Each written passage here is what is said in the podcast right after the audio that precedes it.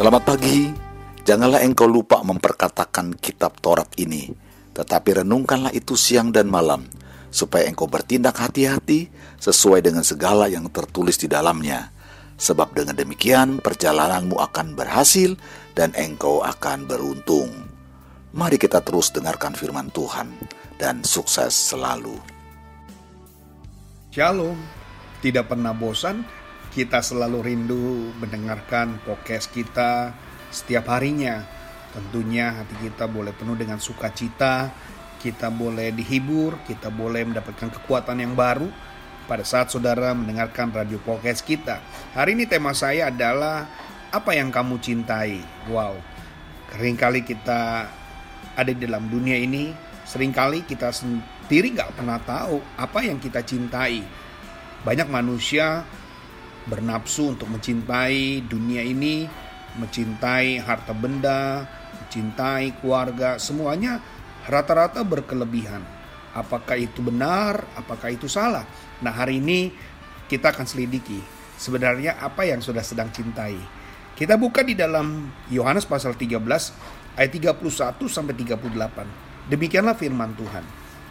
Sesudah Yudas pergi berkatalah Yesus, sekarang anak manusia dipermuliakan dan Allah dipermuliakan di dalam dia. Jikalau Allah dipermuliakan di dalam dia, Allah akan mempermuliakan dia juga di dalam dirinya dan akan mempermuliakan dia dengan segera. Hai anak-anakku, hanya seketika saja lagi aku ada bersama kamu. Kamu akan mencari aku dan seperti yang telah kukatakan kepada orang-orang Yahudi, ke tempat aku pergi tidak mungkin kamu datang. Demikian pula Aku mengatakannya sekarang juga kepada kamu. 34. Aku memberikan perintah baru pada kamu yaitu supaya kamu saling mengasihi sama seperti aku telah mengasihi kamu. Demikian pula kamu harus saling mengasihi. 35. Dengan demikian, semua orang akan tahu bahwa kamu adalah murid-muridku, yaitu jikalau kamu saling mengasihi. Nah, saudara-saudara yang sedang kasih Tuhan ya, saya berhenti sampai di ayat 35 kita pasti memahami apa yang Tuhan inginkan. Kalau kita tahu yang keluar dalam diri kita harusnya ya yang kita dibutuhkan karena kita dalam orang yang mengasihi Allah, kita adalah orang yang benar-benar mencintai Tuhan, harusnya yang keluarnya adalah karakter, keyakinan, sikap yang selalu memancarkan kasih Allah. Karena apa? Karena kan kita mengasihi Tuhan. Tentunya apa yang kita kasihi, bentuk pancaran kasih atau cerminnya, tampilnya juga adalah kita. Contohnya saudara, cerminkan botol Coca-Cola pada cermin, pasti yang sudah akan lihat botol Coca-Cola. Isi atau kosong, bagaimana saudara cerminkan. Jadi kalau saudara cerminkan botol Coca-Cola yang terisi, maka yang kelihatan pun akan terisi. Nah hanya bedanya kita. Kita mengasihi Tuhan. Kita mencintai Tuhan. Bahkan kita melayani Tuhan apakah karakter keyakinan dan sikap kita seperti apa yang ada dalam diri Allah yang ada dalam diri kita. Tentunya banyak orang yang berubah ya. Tidak seperti itu. Ya. Kita pasti nggak akan tertawa kalau melihat kondisi kenapa ya kita sering kali tidak mencerminkan kita sama sekali tidak seperti apa yang Allah sudah berikan kepada kita. Inti pengajaran Yesus pada saat dia malam bersama bersama dengan murid-muridnya sebelum ia disalib ya adalah mengasihi sampai pada kesudahannya. Ya, bagaimana pada kesukaannya ini di mana kita bicara tentang estelos gitu. Estelos ini adalah batas akhir. Estelos ini bicara tentang uh, kita mengasihinya dengan betul-betul uh, terakhir gitu, nggak ada yang lain selain dia itu. Estelos ini benar-benar kita akan tangguh dalam memiliki kasih.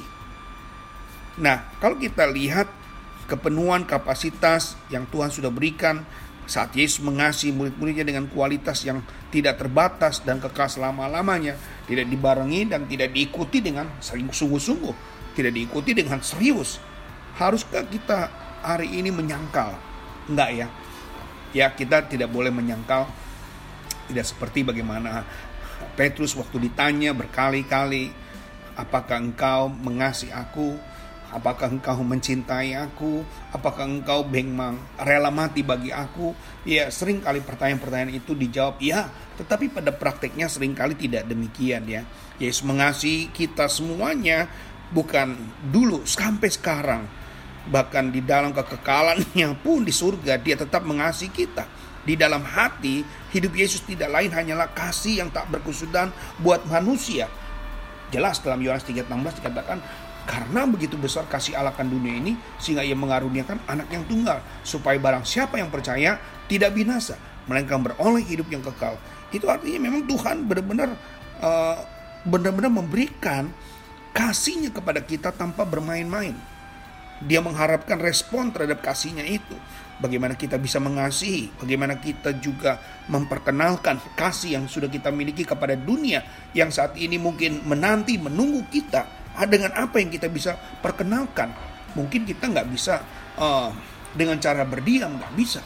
Kita nggak mungkin hanya bisa beribadah dengan memberikan kasih Tuhan kepada orang banyak. Ke gereja ataupun berdiam bukan salah satu cara respon yang harus kita lakukan adalah bergerak. Pada saat kita menerima kasih itu maka kita akan menyalurkan. Nah ini yang Tuhan mau inginkan buat kita. Jadi apa yang sebenarnya Anda cintai? Kalau Anda benar-benar mencintai tentang di dalam dunia ini adalah melakukan uh, pekerjaan Tuhan, melakukan perintah Tuhan, ya Anda nggak boleh uh, separuh hati untuk melaksanakannya. Bagaimana kalau orang jatuh cinta? Hanya mengasihinya dengan setengah setengah? Bagaimana kalau kita mengasihi tetapi kita tidak memperhatikan, kita tidak menaruh uh, pan, uh, kesungguhan, pasti orang itu merasa Anda mempermainkan kasih itu. Marilah kita memulainya dengan baik Tuhan selalu memulai dengan tulus, bahkan tulus hatinya dengan sungguh-sungguh. Dia tidak pernah bermain-main ya. Ini yang harus menjadi dasar alasan kita di dalam dunia ini. Siapa yang kita cintai? Semua di dalam dunia ini dikatakan semu. Semua dunia ini akan semu. Dunia ini akan uh, berakhir. Dunia ini tidak kekal. Jadi kalau kita mengasihi Tuhan secara benar, maka kita harus melakukan kasih itu dengan sungguh-sungguh Kelayakan yang Tuhan mau beri buat saudara adalah perintahnya Tuhan tetap dilaksanakan dengan benar, dengan baik. Itulah yang Anda cintai.